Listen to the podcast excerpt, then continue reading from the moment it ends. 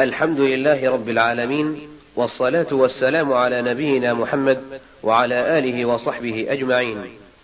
يسر إخوانكم في المكتبة السمعية بوقف السلام الخيري أن يقدموا لكم المجموعة الأولى من سلسلة الدروس العلمية لكبار العلماء، ومن دروس هذه السلسلة المباركة كتاب التوحيد لشيخ الإسلام محمد بن عبد الوهاب رحمه الله شرح سماحة الشيخ العلامة عبد الله بن حميد رحمه الله الشريط الخامس والعشرون. الرسول بعد مات انقطع الوحي فما بقي لنا إلا ما كان بأيدينا من القرآن ومما تركه لنا من سنته. فالدليل على أننا نأتي بعد وفاته بالله هل الصحابة إذا أذنب أحد أو وقعوا في مصيبة. هل تعرف أنهم جاءوا وذكروا يقول رسول الله صلى الله عليه وسلم كم قال لم يعد ولم يفعل الصحابة قلت لا ندري حكاية الأعراب وهو الإثم فإنه جاء إلى الرسول بعد وفاته. فأنشد القصيدة المعروفة يا خير من دفنت في القاع أعظمه وقال من في دين نلقاه وتأمره والأسرى مقرصه نفس الجبال قبل أن تساكنه فيه العذاب وفيه الجود والكرم. إلى آخره. قال النجاة في النوم. وإدغام الرجل أدركوا وأخبروا بأن الله غفر. له استدلوا بآية يقول لهم أولا لم تعرف هذه بإسناد صحيح. قالوا إن في إسنادها محمد بن حرب الهلالي والكذاب. ثانيا قال ابن عبد الهادي وغيره من بإسناد مغلق ثالثا فرضنا أنها صحيحة أن نبني ديننا على حكاية أعراض. بدون. وهل نصدقه؟ إن لو صدقناه فهل نغير عقائدنا؟ من أجل رؤيا منام أعرابي قال رأيت كذا. وعن الصحابة الذين هم أعلم الناس بما أنزل على الرسول وأشد الناس محبة للرسول وأعظم الناس تعظيما للرسول هل أحد منهم جاء؟ ووقف عند خلق النبي وقال يا خير من دبنت بالقاع عظيم أبدا. فهذا لما حصلت وقعة الحرة جهز يزيد بن معاوية أهل الشام بكتاب الصحابة في المدينة وعمر عليهم مسلم بن عقبة. سماه السلف مسلم. خاطب أهل المدينة واحتل المدينة وأباعها ثلاثة أيام. قالوا حتى حمل الذكر لا زوج له. وبعض الشاميين أخذ بعض أولاد الصحابة والدماء ورد الباب حتى ظهر دماغه. وهذا الذي ضرب انقلب نصف وجه اسود قال الصحابة جاءوا إلى الرسول قالوا يا رسول الله حدثنا عبدنا هل قالوا يا خير من دفنت بالقاع عظيم من هذا؟ كلها من الاوائل أو عمر لما حصل الجد وآوت الوحوش إلى المدينة لانها لا تجد ما في البلد دخلت البلد. وحوش البلد. هذا الرسول هذا عمر جاء إلى الرسول؟ فقال يا رسول الله استغفر لنا. يا رسول الله بلغ من أمك من امتك بلغ الجهل من أمتك ما بلغ. ادعو الله لنا. فقال اللهم إنا نتوسل إليك بنبينا ونبدها فتسقينا وإنا نتوسل إليك بعم نبينا لأجل قومنا. ثم قال قل يا عباس فادعو الله. فسر هذا التوسل بدعاء. فجعل يدعو وعمر وخلف. ومن معه المهاجرين والأنصار يؤمنون على دعائه.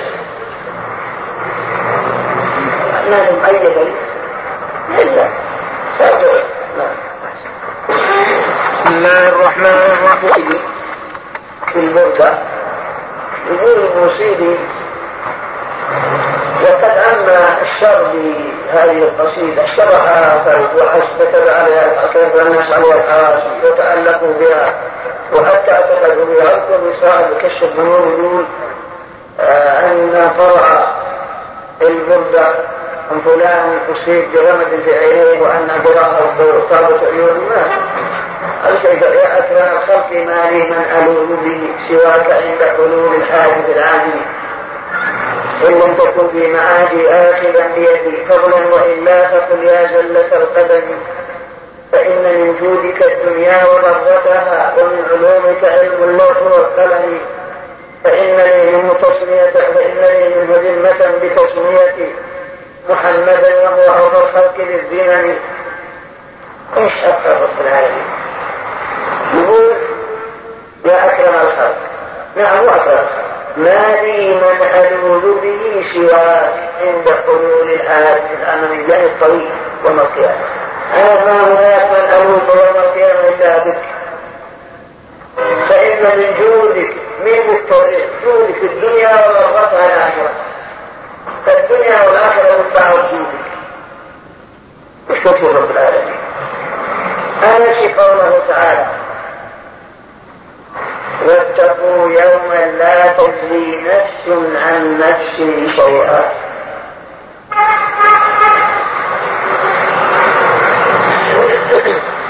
يقول لا أنت يوم لا تملك نفس لنفس شيئا والأمر يومئذ لله. يا أيها الناس اتقوا ربكم واخشوا يوما لا يجزي والد أو ولده ولا مولود هو جاز عن والده شيئا. إن وعد الله حق. واتقوا يوما لا تجزي لا واتقوا يوما لا تجزي واتقوا يوما لا تجزي نفس عن نفس شيئا ولا يقبل منها شفاعة ولا يقبل منها عدل ولا هم ينصرون لا بل الرسول ينفع ويضر ويدخل الجنة من شاء ويمنعها من شاء. الرب يقول ليس لك من الأمر شيء. يقول لا لك الأمر. الرسول نفسه يقول يا يا يا عباس بن عبد المطلب أنا لا أغني عنك من الله شيئا. يا صبية عمة رسول لا أغني عنك من الله شيئا. ثم خص بالنوار ابنته التي هي ضرعت منه. يا فاطمة بنت محمد سليني من مالي ما شئت. لا أغني عنك من الله شيئا. قالوا فإذا كان سيد المرسلين صرح بأنه لا يغني شيئا عن سيدة نساء العالمين. ثم نظر فيما وقع في قلوب خواص الناس اليوم. تبين له التوحيد. ما عندهم أي شيء يستدلون به. إلا أن إذا إذا ما يفهم عن هذا فهو من الرسول ما تحبون الرسول لا نحب الرسول.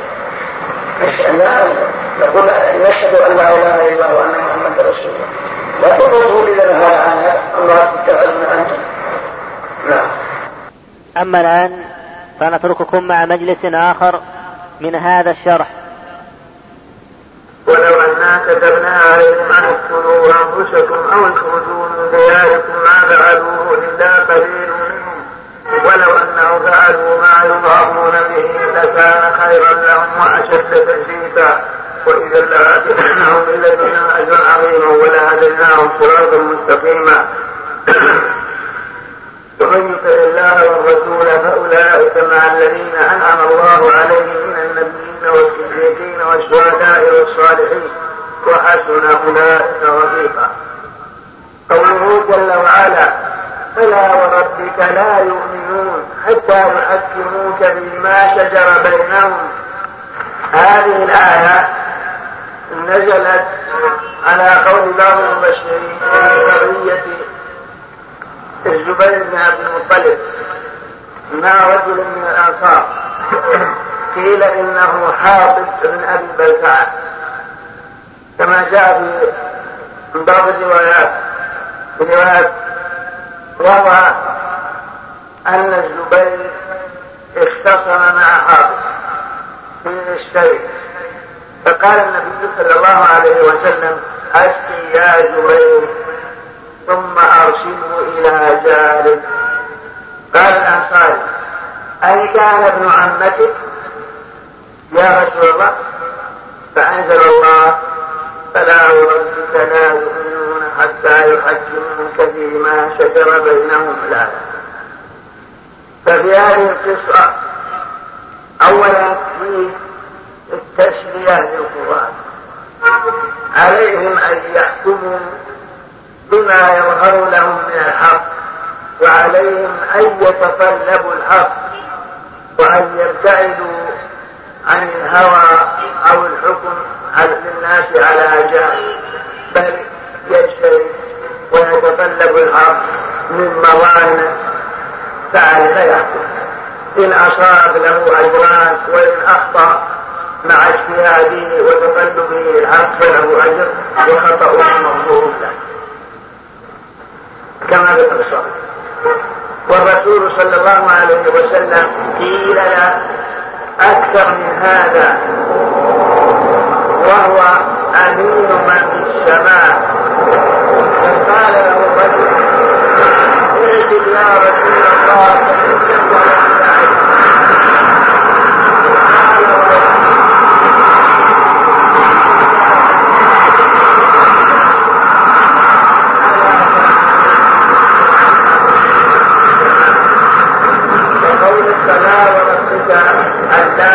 للنبي فلا وربك لا يؤمنون وهذا نفي آخر تأكيد للنفي الأول بين النفيين القسم وهو أن الله سبحانه وتعالى أقسم بنفسه مع نفي الإيمان أولا وتأكيد نفيه مرة أخرى عمن لم يقبل حكم رسول الله صلى الله عليه وسلم لأنه وحي من الله اتبعوا ما أوحي إليكم من ربكم.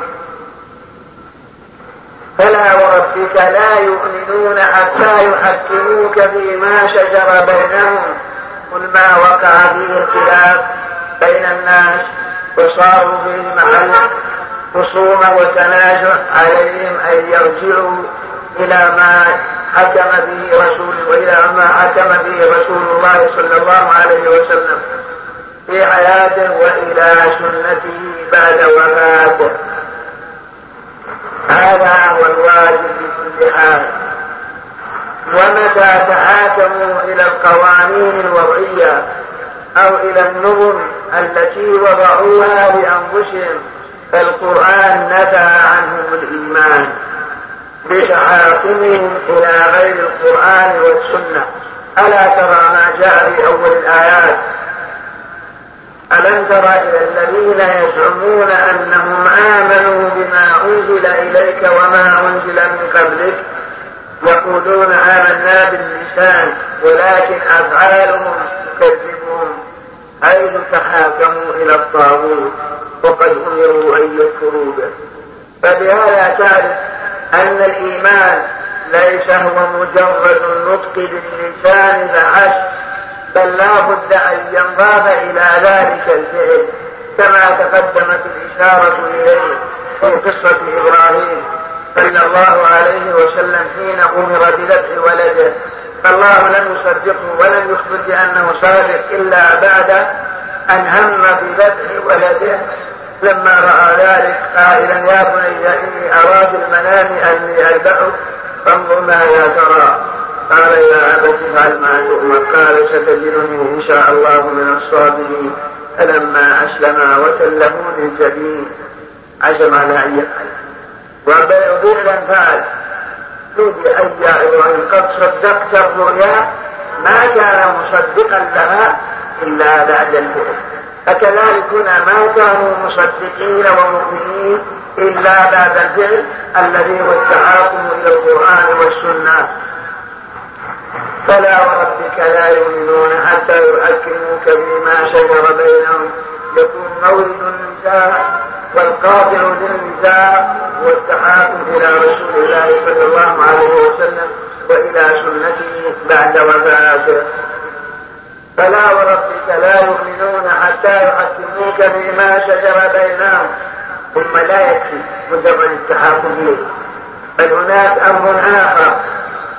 وهو أن لا يجدوا في أنفسهم حرجا مما قضى به الرسول.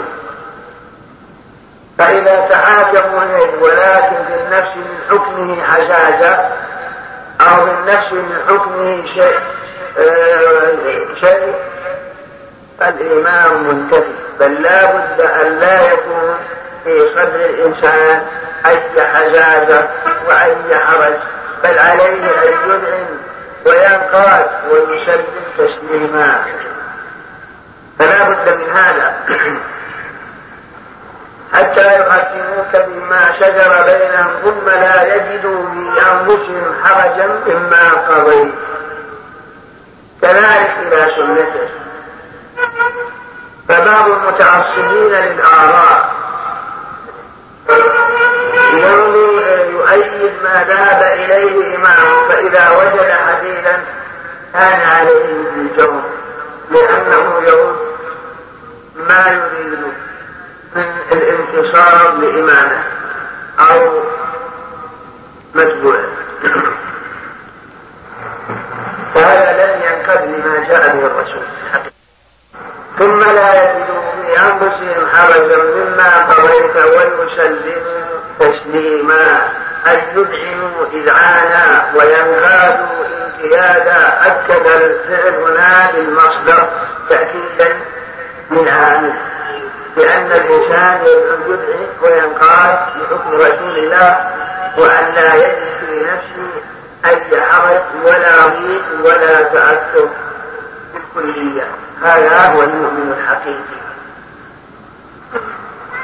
ولو أنا كتبنا عليهم أن اقتلوا أنفسكم أو اخرجوا من دياركم ما فعلوه إلا قليل منهم. المعنى أن أن هذه الأمة أمرت بالتحاكم إلى كتاب الله وإلى سنة رسول الله صلى الله عليه وسلم وهذا أيسر وأسهل مما أمرت به بنو إسرائيل. فأخبر لو أن هذه الأمة أمرت بمثل ما أمرت به بنو إسرائيل. لم بل لم يفعل إلا القليل فإن بني إسرائيل لما أمرهم الله بالتوبة فلن يقبل منهم إلا أن يقتل بعضهم بعضا. حتى قتل نحو سبعين ألفا. فهذه توبتهم. أما نحن لا. لن يكلمنا الرب فلو كلمنا قال ما فعلوه إلا قليل منهم وذلك في قوله تعالى وإذ قال موسى لقومه يا قوم إنكم ظلمتم أنفسكم باتخاذكم العزلة فتوبوا إلى بارئكم فاقتلوا أنفسكم. ذلكم خير لكم عند بارئكم فتاب عليكم إنه هو التواب الرحيم. لا بد من هذا. معنى ولو أنا كتبنا عليهم. أن اقتلوا أنفسكم. يعني أن توبتكم لا تكون إلا بقتلكم لأنفسكم كما كان ذلك في حق بني إسرائيل.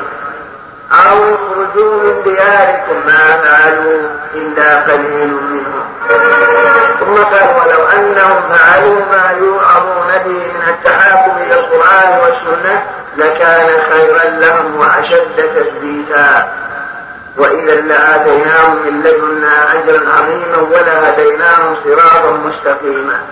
فالتحاكم إلى كتاب الله وسنة رسوله عند موارد النساء مع الإذعان والقبول والانقياد وسلام في الصدر وانشراح القلب بحكم الله ورسوله يزيدك خيرا. إلى خير ويزيدك تثبيتا على هذا الخير لئلا تكن مائلا لا يمين ولا هناك شيء من السبل تنحرم يمينا وشمالا. قال تعالى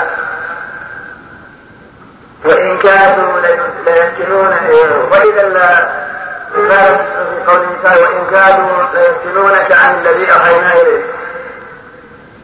وإن كانوا ولقد كرمنا بني آدم إلى قول فأما من أوتي كتابه فأولئك يقرؤون كتابهم ولا يظلمون فتيلا ومن كان في هذه اعمى فهو الاخره اعمى واول سبيلا وإن كانوا لا يفتنونك عن الذي يقعنا الف لا اتخذون هذه ولولا أن ثبتناك ولولا أن ثبتناك لقد كدت تركن إليهم شيئا قليلا.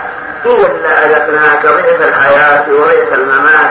ثم لا تجد لك علينا نصيرا.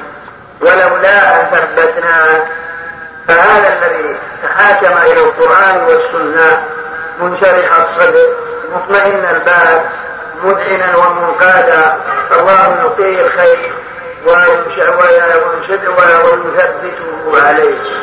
وأمر الرابع يعطيه الأجر العظيم وأمر وأمر الرابع يهديه الصراط المستقيم. هداية زيادة على الهداية الأولى. ثم نتيجة نتيجة ذلك وعاقبته هو أن يكون حينما أطاع الله ورسوله مع الذين أنعم الله عليهم من النبيين والصديقين والشهداء والصالحين. وهم مذكورون في قوله تعالى اهدنا الصراط المستقيم صراط الذين أنعمت عليهم. وقوله تعالى ولا تفسدوا في الأرض بعد إصلاحها فكانت الأرض فاسدة قبل مبعث النبي صلى الله عليه وسلم. كما الحديث. إن الله نظر إلى أهل الأرض فمقتهم عربهم وعجبهم إلا بقاوى من أهل الكتاب. ولكن الله أصلحها ببعثة محمد صلى الله عليه وسلم دعا الناس إلى التوحيد وأمرهم بعبادة الله وحده لا شريك له وبين لهم الصراط المستقيم فأصبح الإسلام منتشرا في كل مكان وهذه هذا هو صلاح الأرض. ولا تفسدوا في الأرض بعد إصلاحها. من الفساد في الأرض التعاطي إلى القوانين. فقد صلحت بجثة الرسول وجهاد الصحابة رضي الله عنهم وتحاكمهم من القرآن والسنة فمتى استبدلوا غير هذا من آراء الرجال كافلة ونحاة أفكارهم الفاسدة فقد أفسدوا في الأرض بعد إصلاحها. وقيل لا تفسدوا في الأرض بمعاصي الله بعد إصلاحها بطاعة الله وطاعة رسوله صلى الله عليه وسلم. والله أعلم. نعم. أما الآن فنترككم مع مجلس آخر من هذا الشرح.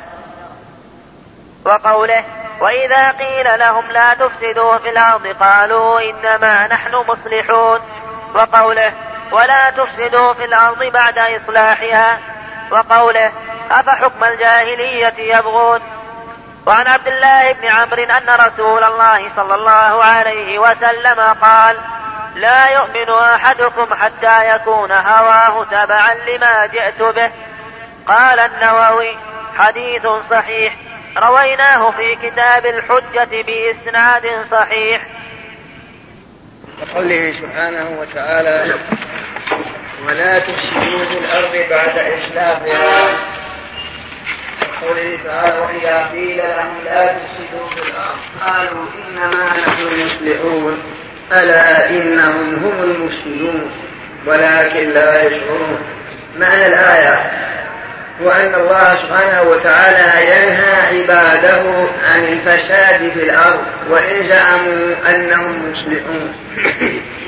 فالفساد في الحقيقة والصلاح في الحقيقة لا يرجع إلى رأي فلان أو رأي فلان أو رأي الرئيس الفلاني ويقول أنا أريد الإصلاح.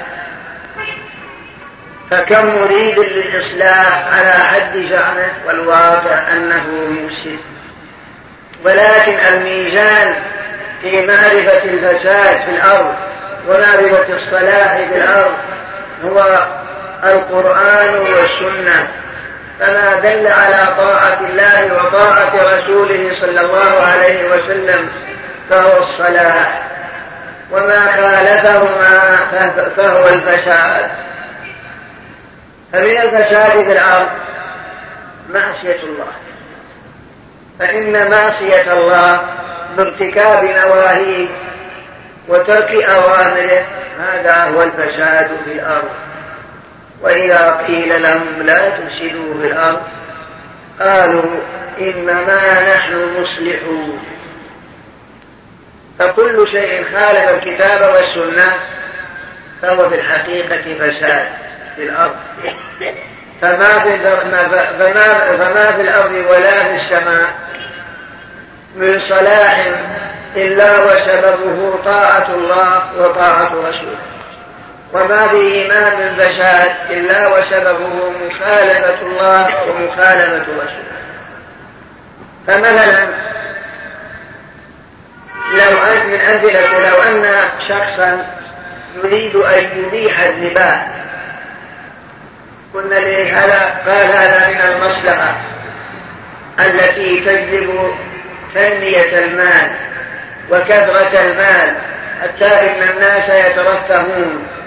والله لم يحرم الكسب بل كل ما من شأنه ينمي المال ويقيم المصالح فهو أمر مطلوب شرعا لأنه من المصلحة. نقول تقول له أنت بل هذا من الفساد في الأرض أما دام أن الشريعة نهت عن الربا وإن زعمت أنه مصلحة فالواقع أنه مفسدة. والعبرة بالحقائق لا بالمسميات.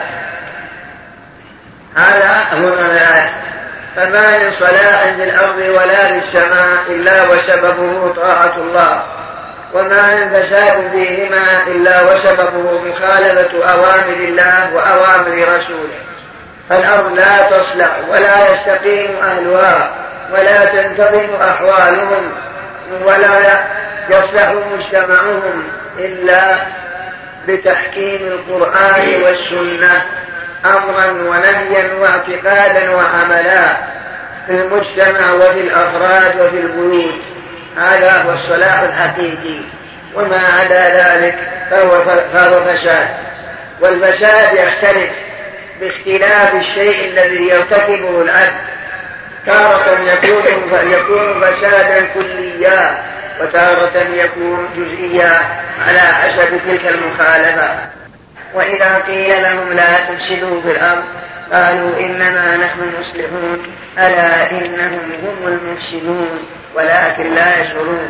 وتقدم لك معنى السياسة التي جاءت بها الشريعة سياسة شيطانية فرعونية إبليسية وهي ما دلت عليها هذه الآية كسياسة فرعون كما تقدمت الإشارة إليه. قال وقوله تعالى أفحكم الجاهلية يبغون ومن أحسن من الله حكما لقوم يوقنون. إضافة الحكم إلى الجاهلية إضافة عيب وذنب أفحكم الجاهلية يكون كالقوانين الوضعية التي يجمع التي تجمع من آراء الرجال ونحاتة الأفكار وزبالة الأذهان يعارضون بها حكم الله ورسوله.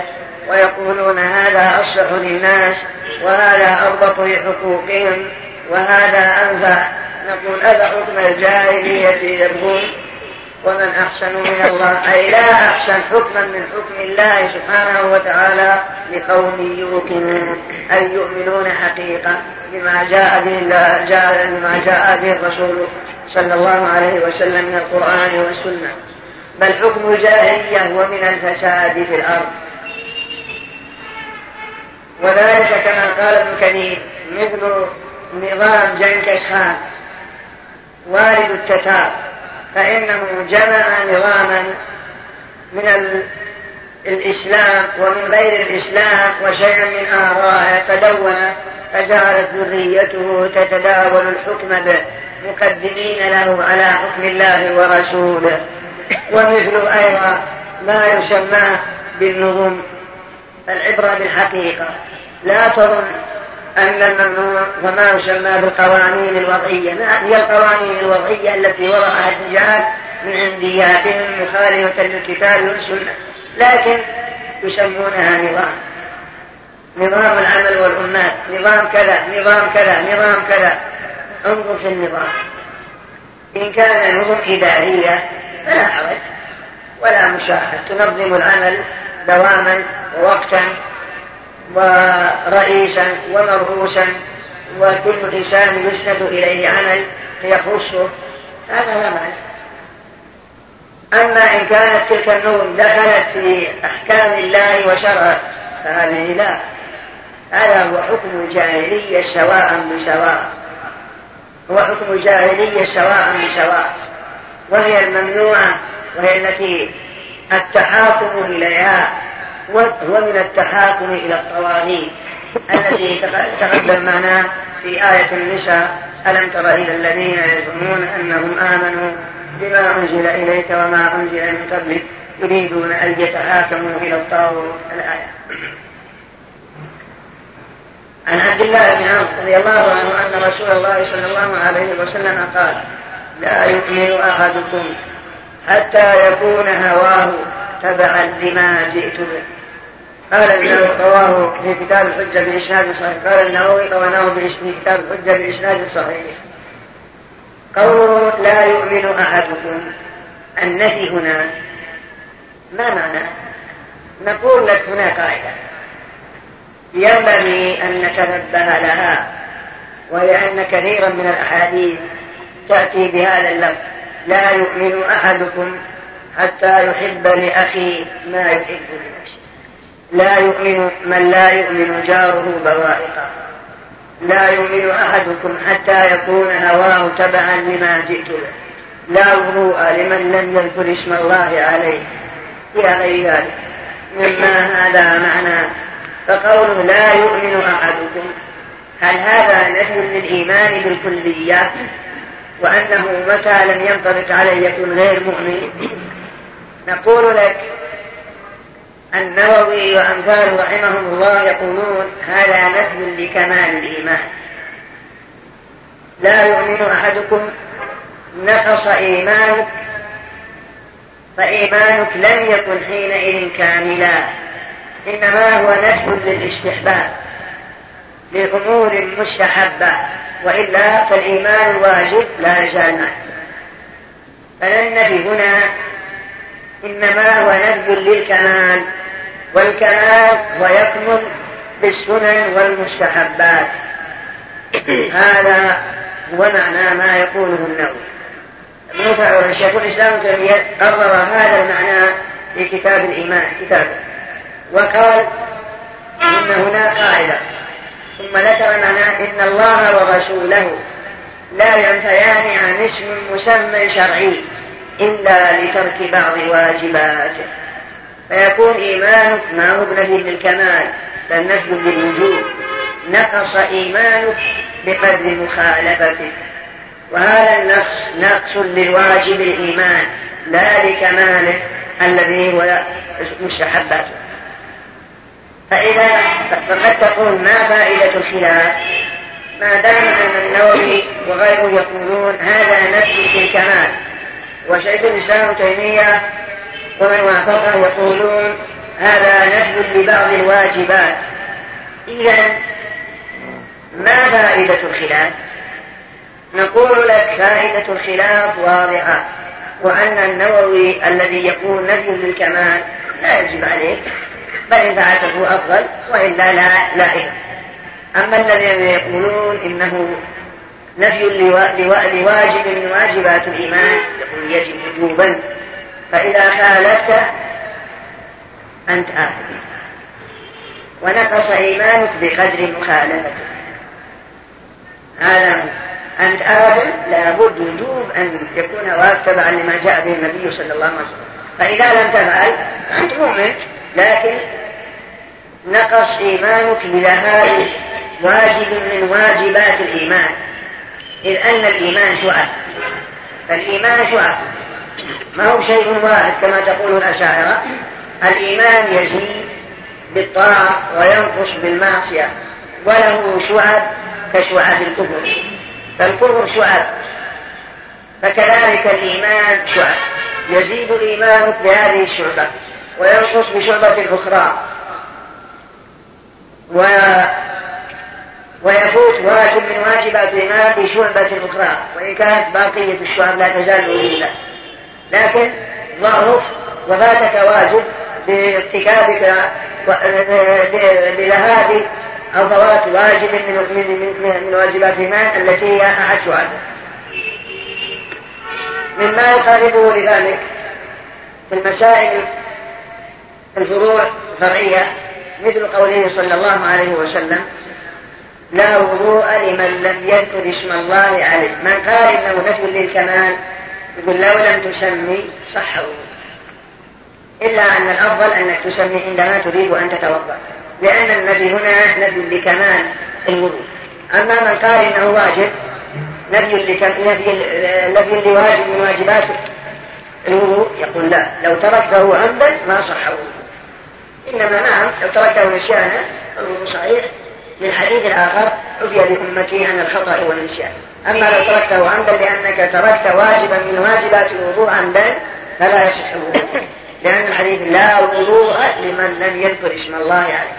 هذا فائدة الخلاف فقول النبي صلى الله عليه وسلم لا يؤمن أحدكم حتى يكون هوى. الهوى إيش هو؟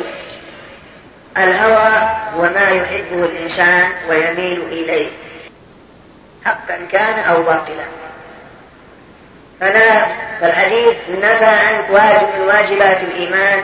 إذا كان هواك يخالف ما جاء به الرسول أما إذا كان هواك أي ميلك ومحبتك وديلانك هو أن تتبع ما أمر به الرسول وتنتهي عما نهى عنه الرسول من غير ميل إلى ما تحب. هذا مطلوبك وهذا محبوبك وهذا اتجاهك وميلك إذا تم في حقك كمال الإيمان. أما إذا كان عندك شيء من الميل إلى ما يسخط الله وإن كنت تعتقد تحريمه لكن بعد فقد نقص إيمانك لأن الواجب عليك ترك هذا. نقص إيمانك بقدر مخالفتك. حيث كان هواك لم يكن تماما منطبقا باتباع ما جاء به الرسول. بل خالفت الرسول فيما فعلت هذا هو معنى الحديث. وما نشأت البدع والمعاصي إلا وسببه الهوى. أما من كان هواه تابعا لما جاء به الرسول تطلب الحق مهما كان لك أو عليك ما لك من هم؟ وما لك من غرض وما لك من قصد وما لك من ميول إلا معرفة ما جاء به الرسول صلى الله عليه وسلم لتعمل به ولتنتهي وتبتعد عما نهاك عنه. هذا هو الإيمان الكامل المؤدي للواجبات. أما كما كان بالعكس فلا. فكما قلنا ما نشأت البدع إلا بسبب اتباع الهوى. فمثلا من أمثلته التلفظ بالنية. نويت أن أصلي لله يرى من يرى هذا الرأي أنه دين وأنه خير وأنه تلفظ باللسان لأجل أن يطابق القلب لأن النية محلها القلب. تقول هذه بدعة قال لا؟ تقول له أنت مثلا الرسول يقول لا حتى يكون هواه تبعا فلله عليك آخذ ما جاء به الرسول في هذه المسألة حتى أتبعه فإنه لا يستطيع أبدا أن يعطيك حرب عن الرسول ولا عن أصحابه ولا عن أحد من التابعين أنه كان يتلفظ إنما يأتيك بأقيسة وتعليلات لا أقل ولا أكثر فإن ثم صار متبعا لهواه في هذه المسألة حيث لم يشترك في ذلك على نص من كتاب الله ولا من سنة رسول الله ما هي إلا تعليلات وآراء لا سبيل إليها. لا يؤمن أحدكم حتى يكون هواه تبعا لما جئت به. فما جاء به الرسول يكون القلب ممتلئا من محبته والميول إليه. مثل ما تقدم في حديث لا يؤمن أحدكم حتى أكون أحب إليه من ولده ووالده والناس أجمعين. ومعنى حتى أكون أحب إليه؟ يعني محبا لسنته محبا لاتباع أمره محبا للابتعاد عما نهى عنه. وهذا أوضح الإيمان الحب في الله. وهذا كله مصدره القلب. الحب في الله والبغض في الله والموالاة في الله والمعاداة به مصدرها القلب والجوارح تعمل أو تترك هي التي تدل على ما في القلب وهذا معنى حديث لا يؤمن أحدكم حتى يكون هواه تبعا لما جئت به. والله أعلم. أما الآن فنترككم مع مجلس آخر من هذا الشرح. فقال الشعبي كان بين رجل من المنافقين ورجل من اليهود خصومة. فقال اليهودي نتحاكم إلى محمد. عرف أنه لا يأخذ الرشوة وقال المنافق نتحاكم إلى اليهود لعلمه أنهم يأخذون الرشوة فاتفقا أن يأتيا كاهنا في جهينة فيتحاكما إليه فنزلت ألم تر إلى الذين يزعمون الآية؟ وقيل نزلت في رجلين اختصما فقال أحدهما نترافع إلى النبي صلى الله عليه وسلم وقال الآخر إلى كعب بن الأشرف ثم ترافعا إلى عمر فذكر له أحدهما القصة فقال للذي لم يرض برسول الله صلى الله عليه وسلم أكذلك؟ قال نعم. فضربه بالسيف فقتله. كان بين رجل من المنافقين ورجل من اليهود خصومة. فقال المنافق فقال اليهودي نتحاكم إلى محمد عرف أنه لا يأخذ الرشوة. وقال المنافق نتحاكم إلى اليهود يا كعب الأشرف لعلمه أنهم يأخذون الرشوة. فأنزل الله ألم تر إلى الذين يزعمون أنهم آمنوا بما أنزل إليك وما أنزل من قبلك؟ وقيل نزلت في رجلين. قال أحدهما نتحاكم إلى محمد وقال الآخر إلى كعب بن أشرف فاتفقا أن يأتي كاهنا في جهينة ثم ترافع إلى عمر. فذكر له أحدهما القصة فقال للذي لم يرضى بحكم رسول الله أكذلك؟ قال نعم. فضربه بالسيف حتى ضرب. أو قال الشعبي الشعبي هذا اسمه اسمه عامر بن شراحيل الهمداني وهو من حفاظ هذه الأمة ومن فضلائها وكان يقول ما كتبت سوداء في بيضاء. لشدة حفظه فلا يحتاج إلى كتابة فهو حافظ متقن. ويقول من كلماته المأثورة عنه يقول يعود العلم جهلا والجهل علما. يعني أن العلم الحقيقي سيكون جهل والجهل سيكون علما. هذا نقله عنه العلامة ابن القيم. وهذه الكلمة نقلت عن موسى صلى الله عليه وسلم كما نقله عن بعض المؤرخين. وهذه الكلمة نقلت عن موسى صلى الله عليه وسلم كما نقله عن بعض المؤرخين. أنه قال في آخر الزمان يعود العلم جهلا والجهل علما والواقع يشهد لهذا. ابن القيم نسب إلى الشعبي هذه الكلمة.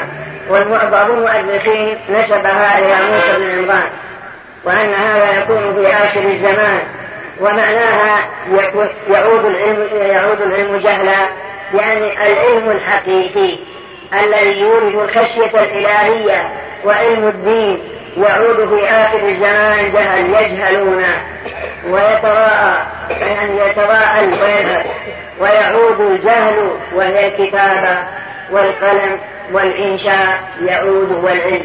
يتعلمه الناس بشقشقة الكلام وإطلاق اللسان وشبك الكلمات إلا أنها جوفاء. تقرأ صفحات كثيرة لا تخرج منها بفائدة. فهم يتعلمون الإنشاء وشبك الكلمات لكنها لا معنى لها ولا روح لها ولا تمت إلى العلم. الديني بل ولا إلى غيره حتى العلوم الدنيوية لا تمت إليها بصلة قال الشافعي كان بين رجل من اليهود ورجل من المنافقين خصوما فقال اليهودي نتحاكم إلى محمد لأن الرسول لا يأخذ الرشوة. وقد استقر في قلوب اليهود أن الرسول محمد نبي. وأنه لا يحكم إلا بالحق فهم يعتقدون هذا في باطن الأمر. لكنهم جحدوا ذلك عنادا وتكبرا وحسدا وبغيا. وإلا في قرارة أنفسهم يعلمون أنه رسول الله. لهذا سألوه عن المسائل المعروفة. قالوا سألوه عن الروح وسألوه عن فتية ذهبوا في الدار الأول وسألوه عن قصة موسى والخضر. وعن القرنين فلم يجبهم لأنه قال أخبركم غدا وهم قالوا لا يخبر عن هذا إلا نبي وتأخر الوحي عنه حتى حجر فأنزل الله ولا تقولن لشيء إني فاعل ذلك غدا إلا أن يشاء الله. وأن قلت غدا أخبركم ولم تقل إن شاء الله. حتى أنزل الله عليه سورة الكهف وأخبرهم بالروح وأخبرهم عما سألوا عنه فعرفوا أنه نبي ولم يجحدوا هذا في قرارة أنفسهم.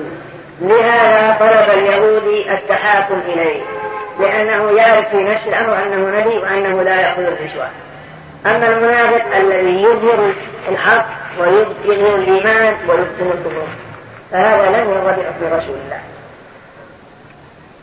نتحاكم إلى محمد لعرف أنه لا يأخذ الرشوة. الرشوة هو البطيء الذي يدفعه أحد الخصمين للحاكم ليجور في الحكم.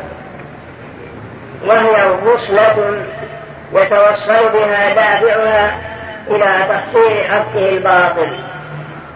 فهذا هي الرشوة. وقد لعن رسول الله صلى الله عليه وسلم الراشي والمرتشي. فمتى دفع أحد الخصمين للقاضي أو دفع الرجل لمن بيده حل معه شيئا من المال من أجل أن يميل معه ومن أجل أن ينصر باطلا فهذه هي الرشوة الملعون فاعلها على لسان رسول الله صلى الله عليه وسلم أو لأجل إبطال الحق أو لإحقاق الباطل. فهذه كلها هي الرشوة وهي الملعونة على لسان النبي صلى الله عليه وسلم. الرسول بريء من هذا لا يأخذ الرشوة ولا يحكم إلا بالعدل. أما المنافق لا لم يقبل. لعلمه أن من طلب التحاكم إليه يأخذ الرشوة. ولعلمه أنه مبطل ويريد أن يدفع الرشوة من أجل أن ينقلب الباطل حقا فيقضي على اليهود. وقد طلب التحاكم إلى كعب بن أشرف. وكعب بن الأشرف هذا هو من علماء اليهود ومن رؤسائهم وأصله عربي لكن أمه يهودية وقد تهود واختار الدين اليهودي. وعنده علم من علوم الكتاب وهو شاعر مجيب وآل النبي صلى الله عليه وسلم في أشعاره وفضل طريقة قريش على طريقة النبي صلى الله عليه وسلم هو وحيي بن أخطر فهذان عالمان الجاحدان الكاذبان فضلا ما كانت عليه قريش من عبادة الأوثان على ما كان عليه الرسول وأصحابه. وذلك أن قريشا سألوهما قالوا ما ترون؟ عنا وعن محمد. قالوا ما قال ما أنتما وما محمد؟ قالت قريش نحن نسقي الحديد ونفك العاني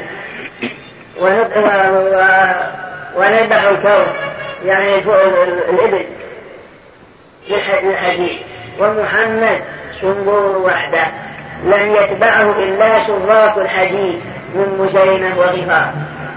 أنحن أهدى سبيلا أم محمد؟ قال كعب بن أشرف هذا وزميله عيد بن أخطر قال الكافران الكاذبان الجاهلان الملعونان أنتما خير وأهدى سبيلا من محمد. فأنزل الله ألم تر إلى الذين أوتوا نصيبا من الكتاب يؤمنون بالجبت والطاغوت ويقولون للذين كفروا هؤلاء أهدى سبيلا أهدى من الذين آمنوا سبيلا. أولئك الذين لعنهم الله. ومن يلعن الله فلن تجد له نصيرا. طلب هذا المنافق التحاكم إلى كاف واليهودي امتنع يطلب التحاكم إلى الرسول فأنزل الله ألم تر إلى الذين يزعمون أنهم آمنوا؟ لأن هذا المنافق يزعم أنه مؤمن بما أنزل الله على رسوله. ألم تر إلى الذين يزعمون أنهم آمنوا بما أنزل إليك وما أنزل من قبلك؟ يريدون أن يتحاكموا إلى الطاغوت وقد أمروا أن يكفروا به ويريد الشيطان أن يضلهم ضلالا بعيدا وإذا قيل لهم تعالوا إلى ما أنزل الله وإلى الرسول رأيت المنافقين يصدون عنك صدودا.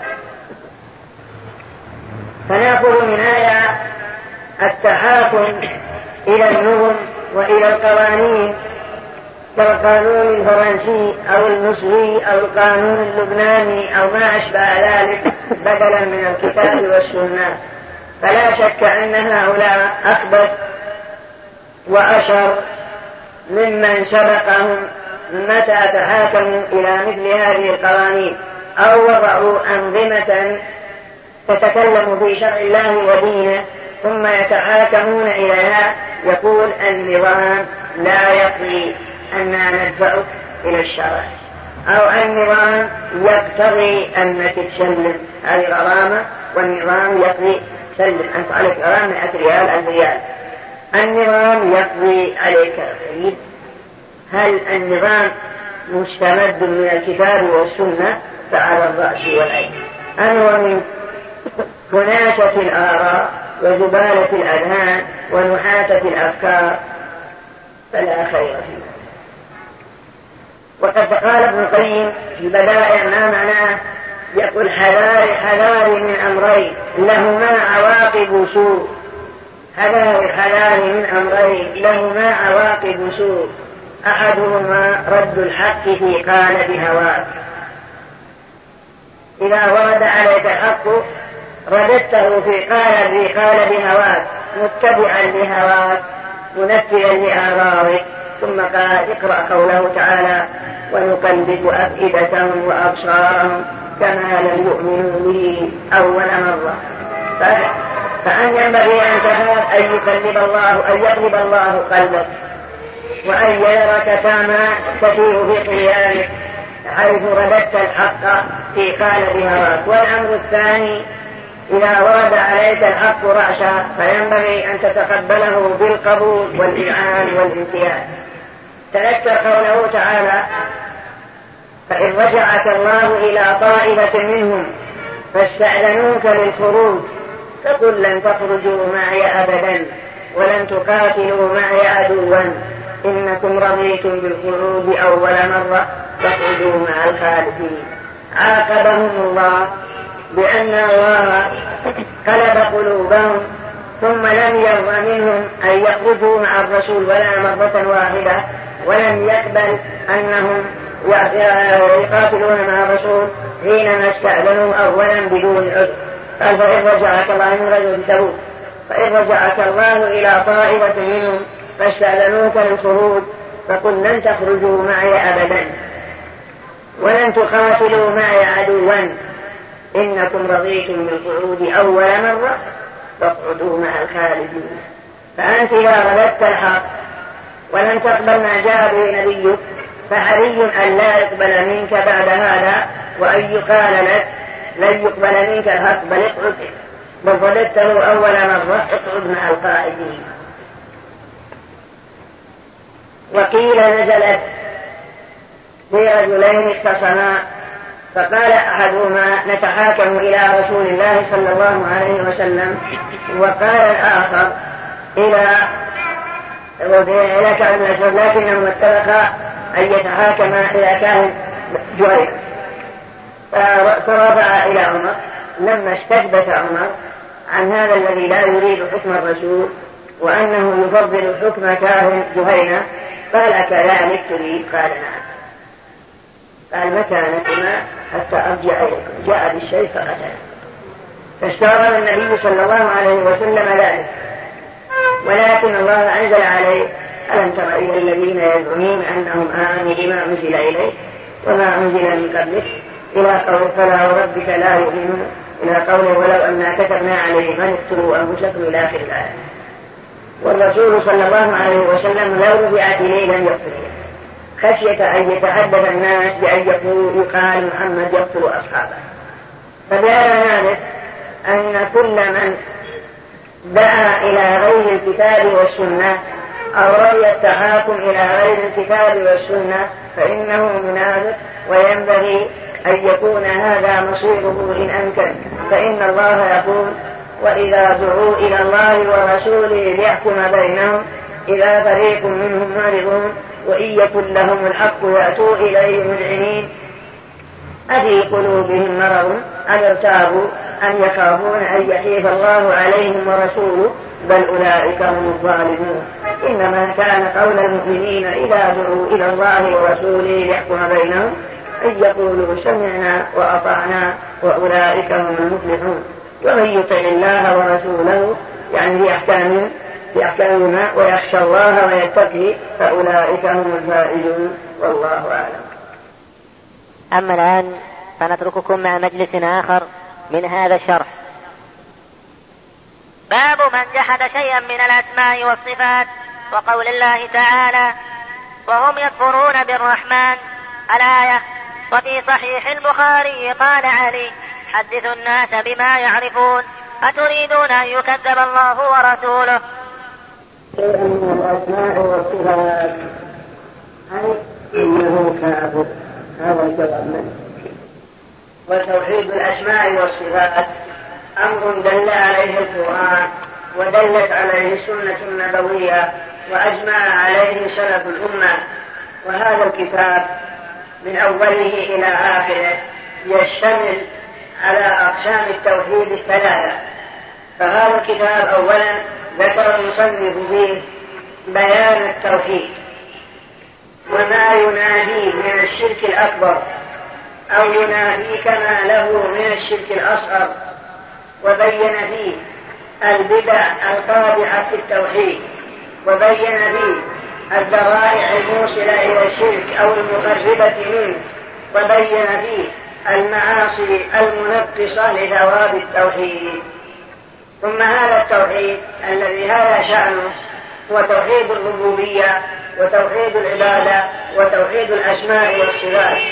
وقد تقدم كثير من هذه الأبحاث فهي توحيد الربوبية. أمر معلوم أقر به المشركون. لم ينكره أحد إلا شجار من بني آدم. وإلا فالناس كلهم معترفون بأن الله هو الذي يخلق ويخلق ويعز ويذل. ويكشف ويرفع ويصل ويقطع ويتصرف في خلقه بما تقتضيه إرادته وحكمته النوع الثاني هو توحيد الأسماء والصفات وهو المقصود بهذا الباب وقد مر في شيء من الأحاديث ما يدل على هذا من الحديث إن الله يحب مثلا في ذكر المحبة وكذلك في ذكر الرحمة وكذلك أيضا ذكر الغضب في اشتد غضب الله على قوم اتخذوا قبور أنبيائهم مساجد وما أشبه ذلك مما سبق بيانه وتوحيد العبادة وهو الجل أو الغرض الذي وضع لأجله هذا الكتاب. وتوحيد الربوبية وتوحيد الأسماء والصفات هي وسيلة إلى توحيد العبادة. وتوحيد العبادة هو أن توحد الله بأفعالك. فلو قلنا لك عرف لنا توحيد العبادة. ما هي؟ فلها عدة تعاريف لك أن تقول توحيد العبادة أن نوحده بأفعالنا. توحيد الربوبية عرفة تقول توحيد الربوبية هو أننا نوحده بأفعاله. نوحد الله بأفعاله كالخلق والرزق والتدبير والإحياء والإماتة. وتوحيد العبادة وأن نوحد وأن نوحده بأفعالنا من الذبح والنذر والدعاء والاستعانة والاستغاثة مما يتعلق بأفعال العباد. هذا هو توحيد العبودية العبادة وتوحيد الأسماء والصفات. عقد المصنف هذا الباب لأجل بيان توحيد الأسماء والصفات. بقى المر كثير في شيء من الأحاديث من هذا البحث. فقول باب من باب من من جحد شيئا من الأسماء والصفات أي أنه كافر لأنه استدل بهذه الآية وهم يكفرون بالرحمن. الأسماء والصفات الناس فيها طرفان ووسط. طرف أنكروها وجحدوها. وجعلوها كالأسماء المحضه المترادفة وهم الجهميه والمعتزلة. ومعنى أنه أنكروها وجعلوها, وجعلوها كالأعلام المحضة المترادفة. مش معنى الأعلام المحضة؟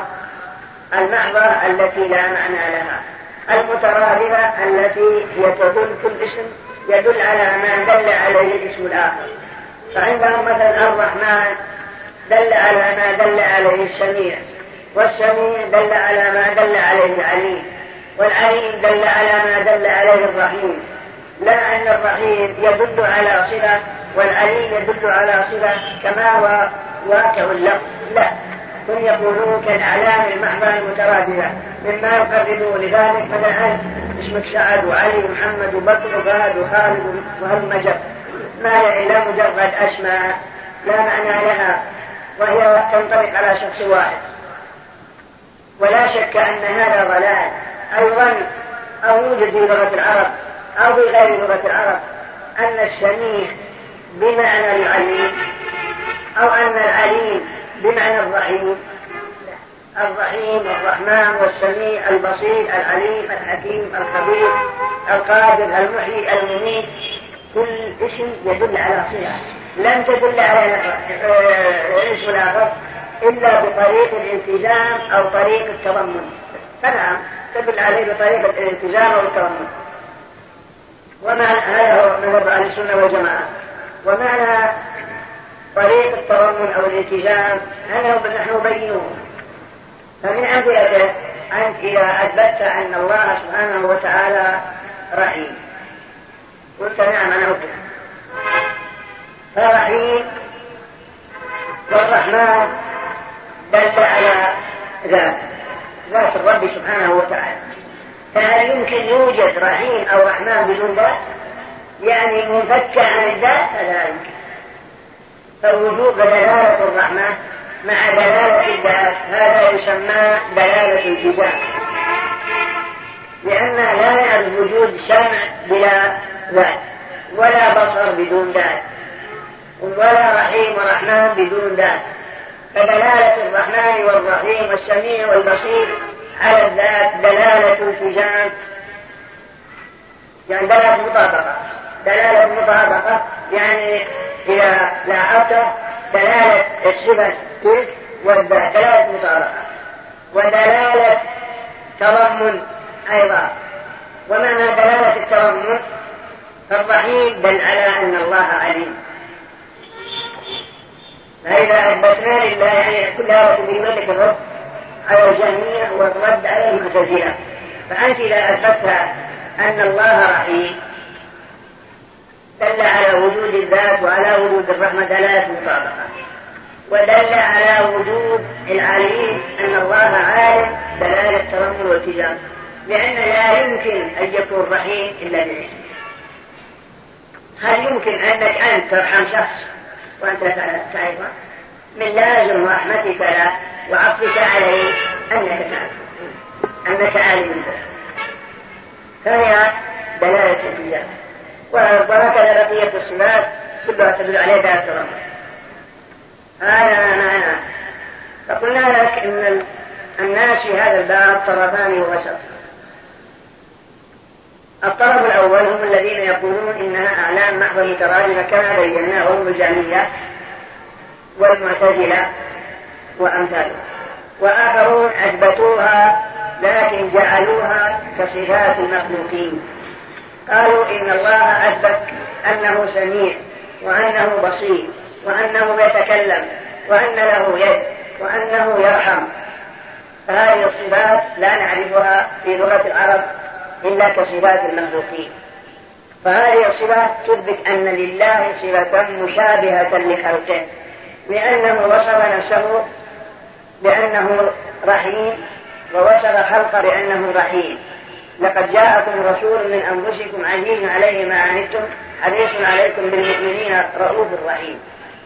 ووصف نفسه بأنه سميع بصير. إن الله لما يعظكم إن الله كان سميعا بصيرا ووصف عبده بأنه سميع بصير. إنا خلقنا الإنسان من نطفة أمشاج نبتليه فجعلناه سميعا بصيرا. فالسمع كالسمع والبصر كالبصر. ووصف نفسه بأنه العزيز وهو العزيز الحكيم. ووصف عبده بأنه عزيز. قالوا يا أيها العزيز إن له أبا شيخا كبيرا فخذ أحدنا مكانه. قالوا لا نعرف. إلا أنه مشابه لخلقه أنت بريء من الطرفين. لا من هؤلاء ولا من هؤلاء. فأن تقول أنا بريء من هاتين الفرقتين الضالتين المنحرفتين عن الصراط المستقيم. بل أثبت لله ما أثبته لنفسه وما أثبته له أعلم الخلق به. رسوله صلى الله عليه وسلم. من غير تحريم ولا تعطيل ومن غير تكييف ولا تنبيه. وأبرأ إلى الله من أن أشبهه بخلقه. وأبرأ إلى الله من أن أقول أن أن الأسماك الأعلام المحضة المترادفة. بل أقول إن الله سميع بصير عزيز حكيم قوي متين قوي رحيم إلى غير ذلك. لكن هذه الصفات نثبتها له كما أثبتها لنفسه وكما أثبتها له رسوله. من غير بدون أن نشبهها بصفاتنا. لأن الله يقول ليس كمثله شيء وهو السميع البصير. فقول ليس كمثله شيء نفت المشابهة مشابهة نفت مشابهته لخلقه. وقال لم يلد ولم يولد ولم يكن كفوا أحد. فإذا شبهته بخلقه فقد جعلته كفوا لخلقه أي مثيلا ونظيرا ونديدا له تعالى الله. وكذلك أيضا لك أن محاجة الجانية والمعتزلة وغيرهم الذين ينفون عن الله الصفات ويقولون لو أثبتناها لأدى إلى مشابهته لخلقه. تقول لهم هل تثبتون لله ذاتا؟ يقولون لك نعم نثبت لله ذاتا. تقول لهم هل يملك ذوات المخلوقين؟ يقولون لا. ذاته مختصة به لا تشبه ذوات المخلوقين. قل لهم كيف نبذت الصفات عن قالوا لما في إثباتها من مشابهة المخلوقين. قل لهم أيضا كيف لا تقولوا بالصفات نظير ما قلت ذات لا تشبه صفات المخلوقين. فإن الصفات فرع عن الذات يختلع ويقاس عليه. فتم حجتهم لا يستطيعون أن يجيبوا بشيء. والأسماء كلها تدل على صفات الله جل وعلا. والجميع كفرهم خمسمائة عالم من علماء المسلمين. وأثبتوا بأنهم كلهم كفرة ما دام أنهم ينكرون ما أثبت الله لنفسه من الصفات وما أثبته له رسوله صلى الله عليه وسلم. والجهمية كفرهم خمسمائة عالم من علماء المسلمين. وأثبتوا بأنهم كلهم كفرة ما دام أنهم ينكرون ما أثبت الله لنفسه من الصفات وما أثبته له رسوله صلى الله عليه وسلم. قال ابن القيم في النونية في الكافر هذا في هذا المعنى ولقد تقلد كفرهم خمسون فيه ولقد تقلد كفرهم خمسون في أشر من العلماء في البلدان ولا لكائد الإمام حكاه عنهم بل حكاه قبله الطبراني. يعني تقلد كبر الجهمية المنكرين لصفات صفات الله وأسمائه عشرة في خمسين إذا ضربت عشرة في خمسين إلى خمسمائة. أي أن خمسمائة من علماء الإسلام كفروهم بسبب جحودهم بالصفات التي أثبتها لنفسه. والذي حكى هذا هو الإمام الطبراني واللالكائي إمام أهل السنة صاحب السنة وغيره. كلهم حكوا تكفير الجهمية عن خمسمائة عالم هذا الذي يريد ابن القيم. وهو مراد المصنف حيث يقول باب من جحد شيئا من الأسماء والصفات وقد وقعت مناظرة لابن عقيل لبعض المعتزلة في مسألة الإيمان ومسألة الأسماء والصفات في هذا الباب. كانت المعتزلة لا يرون أنك تكون مؤمن إلا بأصولهم الخمسة التوحيد عندهم والعدل والأمر بالمعروف والنهي عن المنكر إلى آخره والإمام إلى آخره. والمعتي لأحد أكابر المعتزلة لا يدخل الإنسان في الإيمان إلا بهذه الأصول. قال نعم. قال يا هذا لقد صعبت ما سهله رسول الله صلى الله عليه وسلم فإنه قال للجارية أين الله؟ قالت في السماء. قال من أنا؟ قالت أنت رسول الله؟ قال أعتقها فإنها. لم يقل الرسول المعتزلة الخمسة لقد صعبت ما سهله رسول الله صلى الله عليه وسلم. ثم قال ابن لهذا المعتزلي ها أنت تبحث عن صفات الله وتوسلت إلى جهلها وأنها كالأعلام المحضة المترادفة. ألم تسمع قول الله جل وعلا لابن آدم؟ فإن الله يقول لابن آدم يا ابن آدم جئت تسألني عن لطيفة فيك فقلت لي ما الروح؟ فقطعت أطماعك وأوقفتك عند حدك فقلت لك الروح من أمري ثم قطعت أطماعك وأوقفتك عند حدك فقلت لك وما أوتيتم من العلم إلا قليلا. فجئت تبحث عن كلي وعن صفاتي ها أنت يا ابن آدم سألت رسولي عن الساعة. قلت يسألونك عن الساعة أيان مرساها فأجابك بما أوحيت إليك. قل إنها من أمر ربي لا يجليها لوقتها إلا فقطعت أطماعك حتى عن متى تقوم الساعة ثم جئت تبحث عن كلي وعن صلاتي أنت جئت تسأل عني. فقلت لك على لسان رسولي. وإذا سألك عبادي عني فإني قريب أجيب دعوة الداعي. ولم أقل لك إني كذا وأن أسمائي كالعلام المحضة المترادية ولم أقل لك أني مشابه لخلقي وأنني كذا. بل قلت لك وإذا سألك عبادي عني فإني قريب أجيب دعوة الداعي إذا دعان فليستجيبوا لي وليؤمنوا بي لعلهم يرشدون. ثم قال ابن عتيب بعد هذا انظر إلى محاججة إبراهيم الخليل للنمرود حين قال ألم ترى أن الله إلى الذي حاج إبراهيم في قومه أن أتاه الله الملك قال إبراهيم ربي الذي يحيي ويميت. فإبراهيم خاطب النمرود عن ربه بأنه هو الذي يحيي ويميت وصفه بأفعاله. ولم يقل الذي له الآلام المحضة المترادفة والذي يشابه خلقه والذي كذا. بل قال رب الذي يحيي ويميت. قال النمرود أنا أحيي وأميت. انتقل إلى حجة أخرى. قال فإن الله يأتي بالشمس من المشرق. فأتي بها من المغرب فبهت الذي كفر.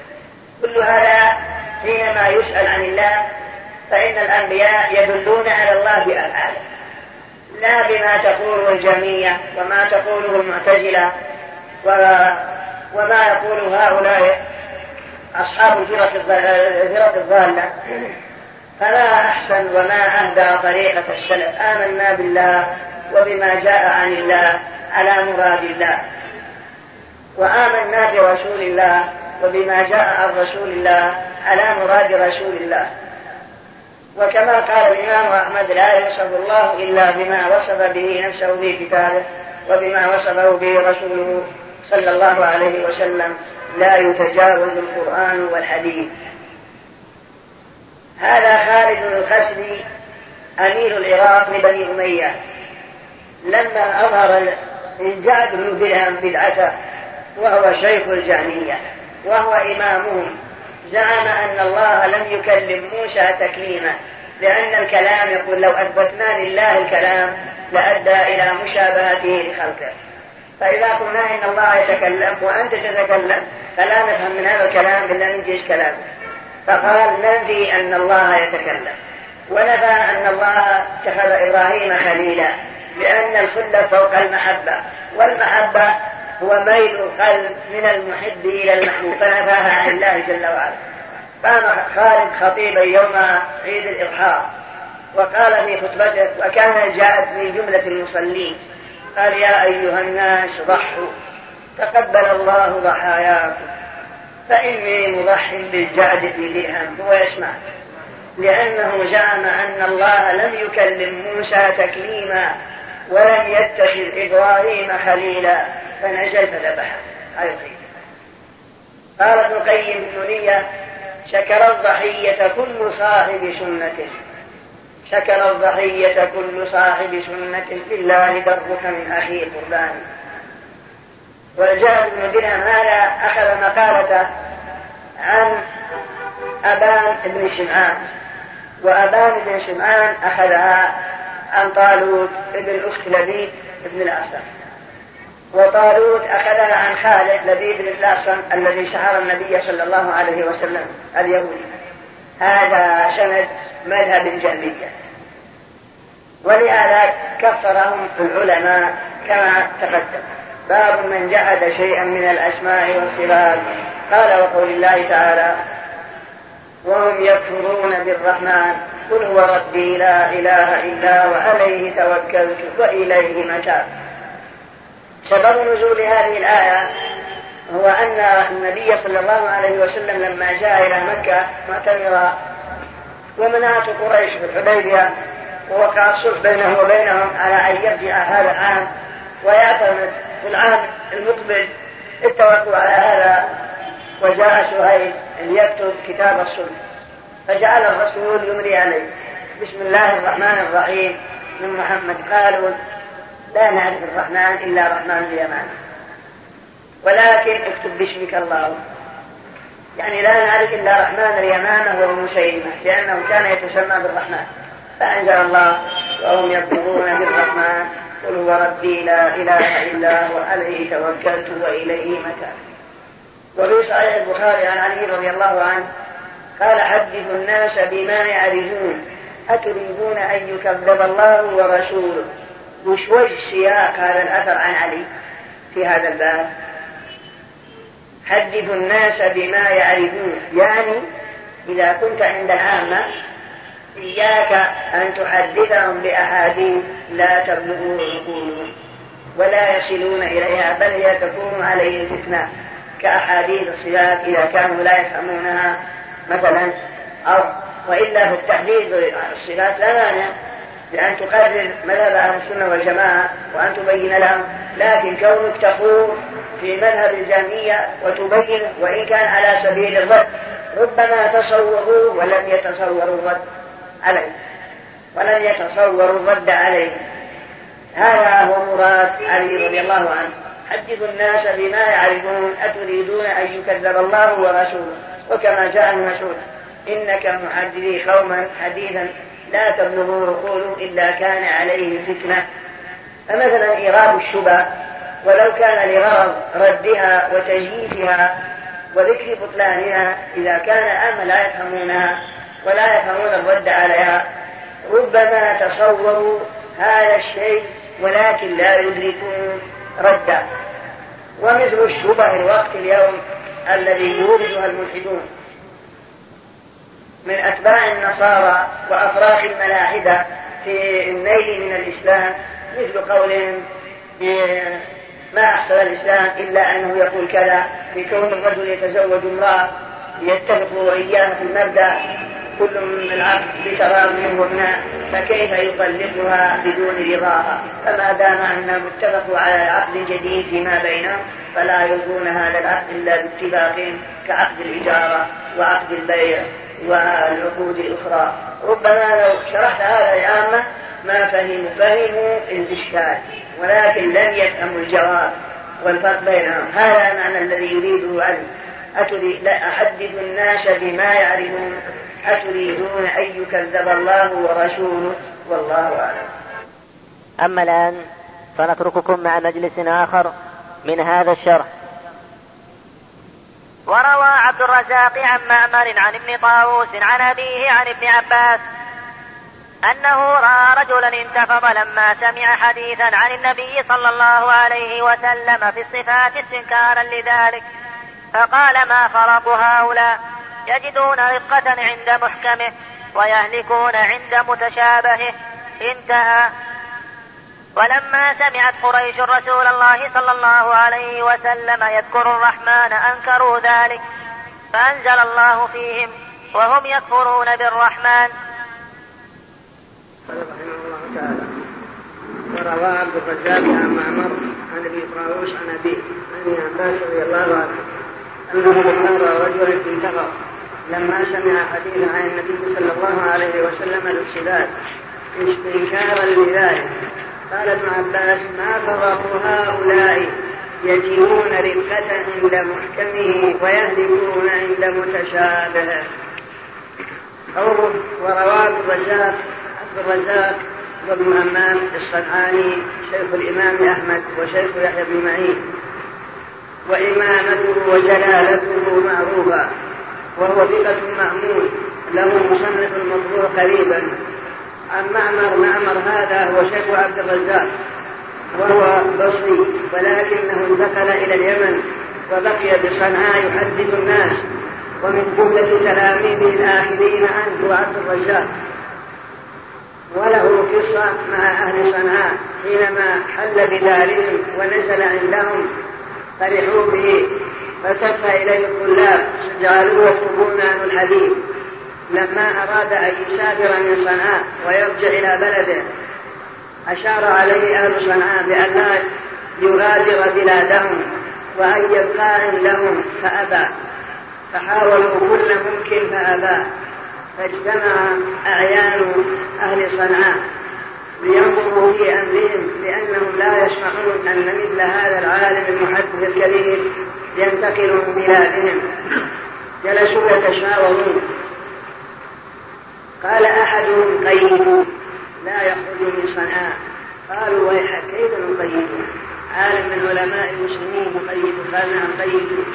قالوا وكيف؟ قال زوجوه فإنه إذا تزوج الرجل لا يذهب. وهذا هو قيد.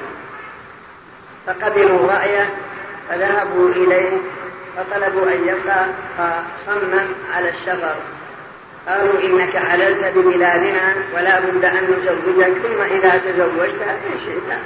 فاجلس وإن شئت. صاحبتك السلام وإنا لا نود. فحاولوا حتى أجابهم تزوج. واختاروا له بنتا صالحة فدخل عليها وتزوج. فرغب وبقي. قالوا هذا هو بقي عنده هذا يدلك على أولا أن أهل البلاد فيما سبق كانوا يبذلون كل ما يستطيعون من بقاء من يرشدهم ويعلمهم ويكتبون عنه العلم والحديث. وأنهم راغبون حتى حاولوا هذه المحاولة بأن زوجوه وسموه قيدا. فعند ذلك لم يسافر لما رغب وروى عبد الرزاق عن معمر عن ابن طاووس عن أبيه. طاووس هذا هو طاووس بن كيسان اليماني وهو أحد أصحاب ابن عباس رضي الله عنه. وقصة الزهري مع عبد الملك بن مروان شهيرة ذكرها الحافظ بن حجر في كتابه التاريخ. روى أن الزهري لما قدم الشام على عبد الملك بن مروان قال من أين قدمت يا زهري؟ قال قدمت من مكة. قال ومن خلفت فمن يسودها ويسود أهلها؟ قال قلت عطاء بن أبي رباح. قال أهو من العرب أم من الموالي؟ قال قلت من الموالي. قال ويحك بما سأل أهل مكة؟ وهم أشراف قريش. قال بالدين والعلم والتقى. قال حق لأهل العلم والدين أن يسود ثم قالوا من يسود أهل اليمن؟ قال الله وهو هذا؟ ابن كيسان قال أهو من العرب أم من اليتيم؟ من الموالي؟ قال قلت من الموالي. قال بما شاد قال بمثل ما شاد به عطى أهل مكة. يعني بالدين والعلم والتقى. ثم ذكر من يسوق مصر والشام و والجزيرة وخراسان والبصرة وكلهم من الموالي حتى وصل إلى الكوفة. قال من يسود أهل الكوفة؟ قال قلت إبراهيم النخعي قال أهو من العرب أم من الموالي؟ قال قلت من العرب. قال فرجت عني يا زهري ويحك. ليصطبن للموالي فوق المنابر والعرب تحتها قال الزهري يا أمير المؤمنين إنه علم دين من تمسك به ساد ومن ضيعه وهذا هو الحق.